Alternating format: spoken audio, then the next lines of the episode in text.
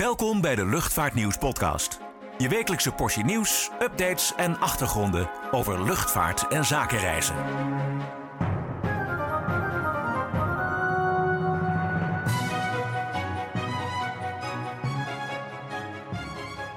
Welkom bij weer een nieuwe aflevering van de Luchtvaartnieuws podcast. Mijn naam is Niek van Nooy en ik word zoals elke week vergezeld door mijn gewaardeerde collega Klaas-Jan van Woerkom. Zoals elke week bespreken we weer een aantal nieuwsonderwerpen uit de luchtvaart. We gaan het hebben over de Boeing 737 MAX, de proefvakantie van Transavia en Sunweb, een Zweeds wetvoorstel, Andorra Airport en twee nieuwe widebody aanwinsten voor KLM. Vorige week hadden we het al even over de proefvluchten van TuiFly met de Boeing 737 MAX op Schiphol. Deze week kwamen ze weer officieel in Nederlandse dienst. Ja, klopt. Nog, uh, nog niet op vakantievluchten, maar al wel op een charter. Het uh, Mexicaanse nationale voetbalteam speelt op 27 maart een vriendschappelijke wedstrijd tegen Wales. En een max van TuiFly vloog de voetballers afgelopen week van Schiphol naar Cardiff. En komt daarna ook leeg weer terug. En ook de eerste buitenlandse maatschappij kwam weer met de max uh, naar Schiphol, zag ik. Inderdaad, uh, Iceland Air voerde een lijnvlucht uit van uh, Keflavik op IJsland naar, uh, naar Schiphol met een van haar maxen. meestal komt de Boeing 767 deze kant op, maar twee van de vier 767's zijn inmiddels verkocht om te worden omgebouwd tot vrachtvliegtuig. verder bestaat de vloot alleen uit 757's, maar de max is iets zuiniger. Dus ja, vrij logisch om daar dus in Europa mee te gaan vliegen. Ja, en hopelijk wordt de MAX komende zomer ook weer ingezet op vakantievluchten naar het zonnige zuiden. Uh, want wie kijkt er niet rijkhalsend naar uit? Een week na de Griekse zon. Meer dan 17.000 Nederlanders hebben zich aangemeld om mee te doen aan een proefvakantie naar Rodos, die vanaf 12 april wordt georganiseerd door Sunweb in samenwerking met Transavia. Ja, dat is een uh, ongelooflijk hoog aantal. Uh, zeker als je bedenkt dat de inschrijving woensdagavond pas om 6 uur is geopend. Uh, maar helaas, er zijn slechts 189 uh, stoelen beschikbaar. Ja, wat houdt die proefvakantie precies in? Nou, de reis is onderdeel van, uh, van een overheidspilot met de naam Veilig en Verantwoord Reizen tijdens corona. daarbij verzorgt Transavia de vluchten en Sunweb het verblijf ter plekke. En ook de ANVR is erbij betrokken. Nou, deelname kost 399 euro. en dan kun je dus als deelnemer in een soort bubbel vakantie vieren. Uh, andere gasten zijn er dan niet. Uh, en je mag als vakantieganger ook uh, niet je resort verlaten. Um, en de vakantiepilot die, die wordt als succesvol bestempeld op het moment dat er eigenlijk geen besmettingen zijn opgetreden. en ze willen dus op die manier ook waardevolle data en inzichten verzamelen. Om te kijken onder welke voorwaarden mensen veilig en verantwoord op vakantie kunnen gaan. Nou, wat zijn de eisen op het gebied van testen? Nou reizigers moeten dus, zoals gezegd, uh, zelf hun vakantie betalen. Uh, voorafgaand aan de reis moeten ze een coronatest ondergaan. En bij het inchecken in het hotel uh, moeten ze een negatieve PCR-test overhandigen. voorafgaand aan de terugreis wordt er opnieuw een PCR-test in het hotel afgenomen. En bij thuiskomst moeten de vakantiegangers 10 dagen in quarantaine. en op dag 5 wordt er dan weer opnieuw een PCR-test afgenomen. Dus veel getest. En als je kijkt naar het grote aantal aanmeldingen, staan de mensen blijkbaar weer te springen om op vakantie te gaan. Ja, absoluut. Um, Sunweb-baas Matthijs ten Brink uh, die zei dat het aantal aanmeldingen de verwachtingen ver overtreft. Uh, en hij zei al één ding te hebben geleerd. als er duidelijkheid is, dan accepteren mensen de veiligheidsmaatregelen en dan gaan ze boeken. Tegelijkertijd zegt hij ook um, ja, dat dit ook wel een keiharde bevestiging is dat iedereen snakt naar perspectief en een stukje vakantie. En is al bekend wie de 189 gelukkigen zijn die mee mogen naar Griekenland? Uh, nou, op basis van alle aanmeldingen maakt uh, Sunweb een eerste selectie. Uh, die voldoet aan de door de Nederlandse overheid gestelde criteria voor de doelgroep. Eh, en die doelgroep bestaat uit Nederlanders tussen de 18 en 70 jaar die niet vallen in een verhoogde risicogroep. En daarnaast wordt er ook gekeken wie zich als eerste heeft ingeschreven. En verder wordt er nog een kleine groep mensen door een onafhankelijke notaris geselecteerd. Ja, en er wordt gewerkt aan nog een vakantiepilot, uh, toch? Ja, dan gaat het om een uh, iets verdere reis. Um, uh, Toei en Corendon zijn daar bij betrokken. het idee was om dan met TuiFly naar Curaçao te vliegen en dan in het Corendon Hotel te verblijven. maar Curaçao is nu twee weken in lockdown. vanwege het oplopende aantal besmettingen. Dus die reis is voorlopig even uitgesteld. En dan gaan we door naar Zweden, het land van Pippi Langkous, Volvo, Ikea en vliegschaamte. In Zweden wil de regering de hoogte van de start- en landingsgelden laten afhangen van de hoeveelheid CO2-uitstoot. Hoe zit dat precies, Klasjan?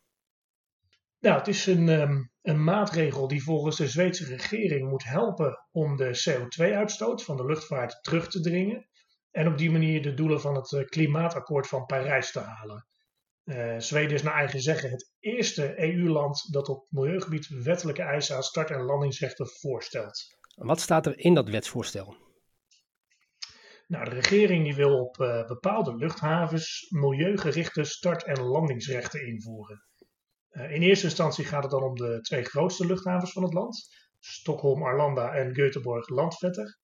Het is de bedoeling dat de tarieven worden gedifferentieerd op basis van de milieu- en klimaatimpact van een vliegtuig of een vlucht. En dat betekent concreet dat start- en landingsgelden hoger kunnen zijn als de klimaatimpact van een vliegtuig groter is. En dus ook lager als de klimaatimpact kleiner is. Um, het idee is dat luchtvaartmaatschappijen uh, eerder zullen overschakelen op nieuwe en zuinige vliegtuigen. Of dat ze overstappen op het gebruik van duurzame brandstoffen. Hoe bijzonder is dit eigenlijk? Op Schiphol betalen gebruikers van oude lawaaiige vliegtuigen toch ook al meer dan de gebruikers van zuinige nieuwe toestellen? Ja, dat klopt. Op uh, Schiphol liggen de tarieven voor oudere en meestal lawaaierige vliegtuigen aanzienlijk hoger dan het uh, basistarief. En voor moderne stille vliegtuigen liggen de tarieven juist onder het basistarief.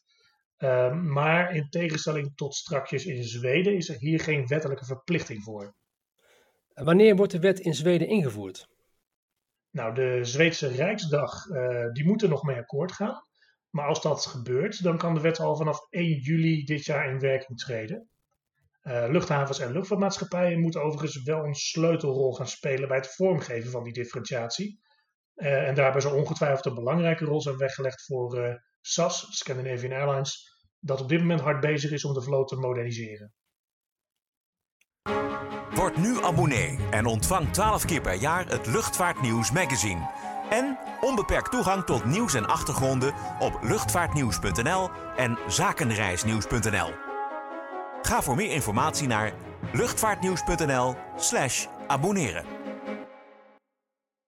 En we gaan gelijk door naar Andorra.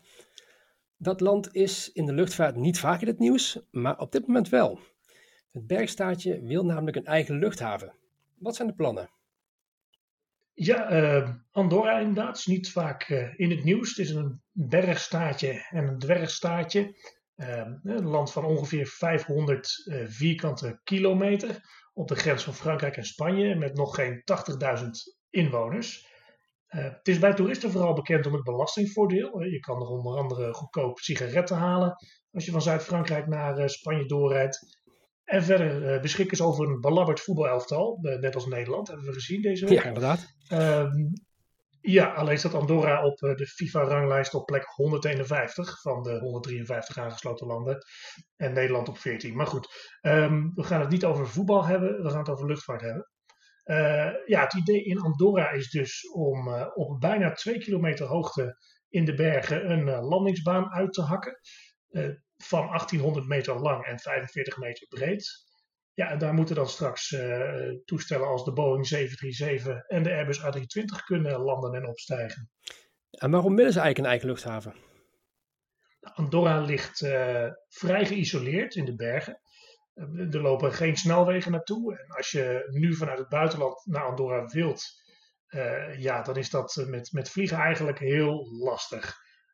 als je bijvoorbeeld naar Barcelona vliegt, of naar Toulouse of Carcassonne of, of Reus, ja, dan ben je toch wel 2,5, 3 uur aan het uh, rijden voordat je er eindelijk bent. Uh, ja, of je moet over een helikopter beschikken, dan, uh, dan kun je er wat makkelijker terecht. Um, overigens ligt er 30 kilometer ten zuiden van Andorra wel een soort van Andorra Airport. Um, dat ligt bij La Seu. Maar dat is ja, eigenlijk niet geschikt voor grote vliegtuigen. Nou, we weten dat het geen eenvoudige opgave is om in de bergen een luchthaven te bouwen. Nee, zeker niet. Hè.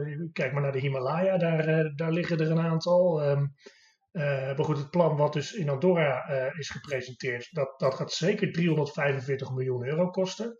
Nou goed, als we iets weten uit de bouw is dat het altijd langer duurt en veel meer geld kost. maar ja, ze willen in feite nadoen wat, wat men in Bhutan heeft gedaan met de luchthaven van Paro. Dat, dat ligt eveneens ingeklemd tussen de bergen. Um, en dat betekent dat piloten uh, vaak speciaal getraind moeten worden om ja, handmatig tussen de bergen door te manoeuvreren onder te landen. dat is heel spectaculair, ook als passagier. Ja, niet zonder risico's inderdaad. Nee, want je moet geen noodsituatie krijgen in de bergen als je daar gaat landen. Nee, inderdaad. Uh, je hebt daar geen uitgestrekte vlaktes uh, waar je een vliegtuig in geval van nood kunt neerzetten. Uh, maar goed, men heeft besloten de luchthaven moet er komen. met als doel om nog meer toeristen naar Andorra te trekken. Want je moet dus even nagaan dat er nog geen 80.000 mensen wonen. Maar dat er per jaar wel ongeveer 9 miljoen toeristen heen gaan. Ja, maar één klein dingetje. Heeft Andorra wel een eigen luchtvaartmaatschappij? Uh, ja, ja en nee. Andorra Airlines, dat, dat werd een aantal jaar geleden opgericht en daar hoorden we niet zo heel veel meer van. Maar die lijken nu wel op het punt te staan om de vluchtuitvoering te starten. maar goed, dan nog steeds vanaf het nabijgelegen La Seu d'Urgell. volgens hun website willen ze met een ATR-72 gaan vliegen naar Madrid en Mallorca.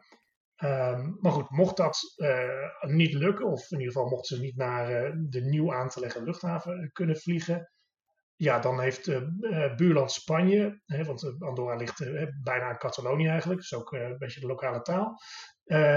buurland Spanje beschikt over een flink aantal regionale luchtvaartmaatschappijen. Denk aan Air Nostrum Air Europa. Ja, die onderhouden op dit moment al heel veel binnenlandse vluchten. Dus je, zou je kunnen voorstellen dat die daar terecht kunnen. Ja, of, of buitenlandse luchtvaartmaatschappijen die daar dus met 737's of A320's uh, uh, langskomen. Want ja, die toestellen hebben toch een, uh, een flink vliegbereik eigenlijk. Je zou zelfs het Midden-Oosten met Andorra kunnen verbinden desnoods. Ja, het is nog niet helemaal duidelijk wanneer de nieuwe luchthaven open gaat. Maar we houden het uiteraard in de gaten. Tot slot van deze podcast KLM. De maatschappij ontving donderdag haar 30ste Boeing 777 om precies te zijn een 300ER. Dat is op zich geen schokkend nieuws, maar wel opvallend. Ja, zeker, uh, zeker opvallend. Um, ehm, KLM vliegt al sinds 2003 met de 777. dat was toen de uh, 777-200ER. Uh, en inmiddels hebben ze daar 30 van. Uh, zelfs 31 eigenlijk, als u deze podcast uh, na aanstaande zaterdag beluistert. Want dan landt het laatste toestel, nummer 31 dus. Um, ja, de 777's worden ingezet op verre vluchten. Naast de Dreamliner en de Airbus A330. En ze kwamen ooit in de vloot als um, opvolger van de Boeing 747. En dat, uh, ja, dat doen ze goed volgens mij. Um, uh, wereldwijd zijn er bijna 1700 777's besteld. Door eigenlijk alle grote luchtvaartmaatschappijen. Maar ja, KLM is wel ongeveer de laatste die ja, echt de passagiersversie van de 777-300 heeft gekocht. Ja, dat was wel apart eigenlijk. Ja, dat is zeker apart. Um, de 300 is eigenlijk het laatste model van de oorspronkelijke variant van de 777. Uh, je had de 200 en de 300 en de, en de long range versie ook zelfs. Uh, er zijn er niet heel veel verkocht trouwens. Uh, en de vrachtversie. De meeste orders die er nu nog zijn, die nog ingevuld moeten worden, die zijn dus voor de vrachtversie. Um, want ja, de meeste maatschappijen zijn inmiddels overgeschakeld uh, van het bestellen van 777's naar de Dreamliner voor passagiersvluchten. Of ze wachten op uh, de 777X, de 8 en de 9, die, uh, die vertraagd zijn, maar die vanaf 2023 voor het eerst moeten gaan vliegen. Nou, waarom heeft KLM daar eigenlijk niet voor gekozen, voor die 777X? Nou ja, um, KLM heeft zowel de Dreamliner als de 777 in de vloot. De A330's gaan er eh, in 2025 ook uit. Dus er blijven maar twee types over. Um, maar de grootste Dreamliner, de 787-10, die kan 344 passagiers meenemen en 24 ton vracht. Uh, maar de 777-300 heeft plaats voor 408 passagiers en ook ongeveer evenveel vracht. Dus de 777 is gewoonweg het grootste vliegtuig dat KLM kon krijgen. op een, op een redelijke termijn. of tenminste, van Boeing. Ehm, ja, en je kunt je ook voorstellen dat Boeing niet echt de hoofdprijs zal hebben gevraagd voor de laatste 777's van de lijn. Ja, en dan is de vraag of die nieuwe toestellen meteen al de nieuwe World Business Class aan boord hebben. Ja, dat zou je hopen. Hè? Ehm, maar nee, de, dat is uh, niet het geval. Uh, de nieuwe World Business Class uh, die komt pas in de loop van 2022. Dan, dan worden de eerste Dreamliners en 777's omgebouwd. Maar goed, die stoelen die zijn er nog niet. op dit moment worden die nog uitgezocht. En dan moeten ze nog worden besteld en geleverd. maar goed, ze krijgen ze dus wel, de Dreamliners en de 777's. Ehm, eh, concreet betekent dat dat reizigers die dus nu in de 777 in business class zitten en die een plekje hebben aan het raam, ehm, dat die nog ja, over hun buurman heen moeten klimmen om bij het gangpad te komen. Um, en dat geldt niet voor, voor de Dreamliners overigens. Nou, even geduldig dus, tot die nieuwe stoelen zijn geïnstalleerd. Zeker. En dat was het weer voor deze week. Zoals altijd, check het laatste luchtvaartnieuws op luchtvaartnieuws.nl. En kijk ook op zakenreisnieuws.nl voor al het zakelijke reisnieuws. En vergeet u niet te abonneren op deze podcast. Tot de volgende keer.